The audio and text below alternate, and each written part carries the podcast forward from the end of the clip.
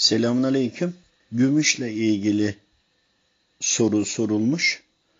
Bizim karşılaştığımız konularla ilgili, tecrübelerle ilgili cevap verebilirim bu konuda. Birçok musallat olmuş hastalıklarda kişi inançsız, başka dinlere mensup, hani ondan dualar, tövbeler bekleyemiyoruz ve müdahalede edilmesi gereken bir durum olduğunu düşündüğümüzde ki böyle durumlarla karşılaştık.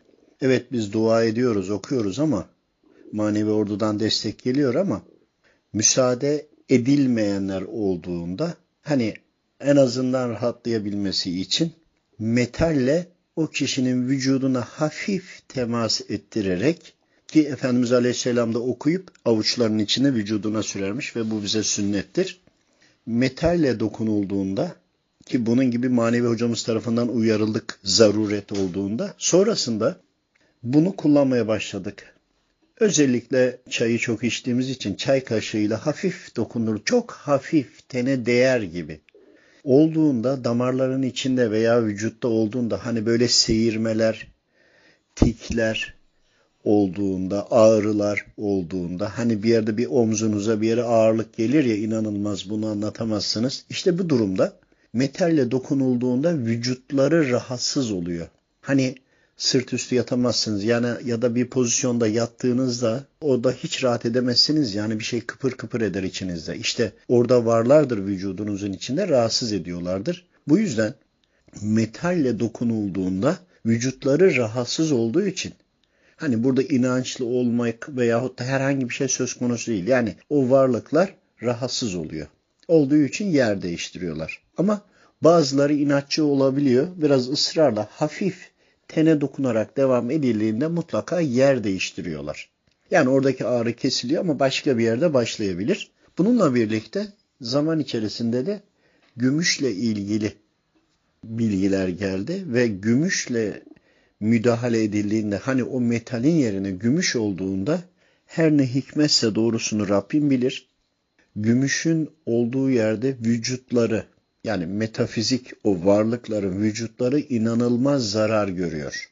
Zarar gördüğü için bunu bir şekilde bulundurmak veyahut da suyla bile hani biliyorsunuz yeni teknoloji çağındayız karışım yapabiliyorlar. Vücuda alınmasının tıbbi olarak metafizik tıbbi yönüyle birleştirelim.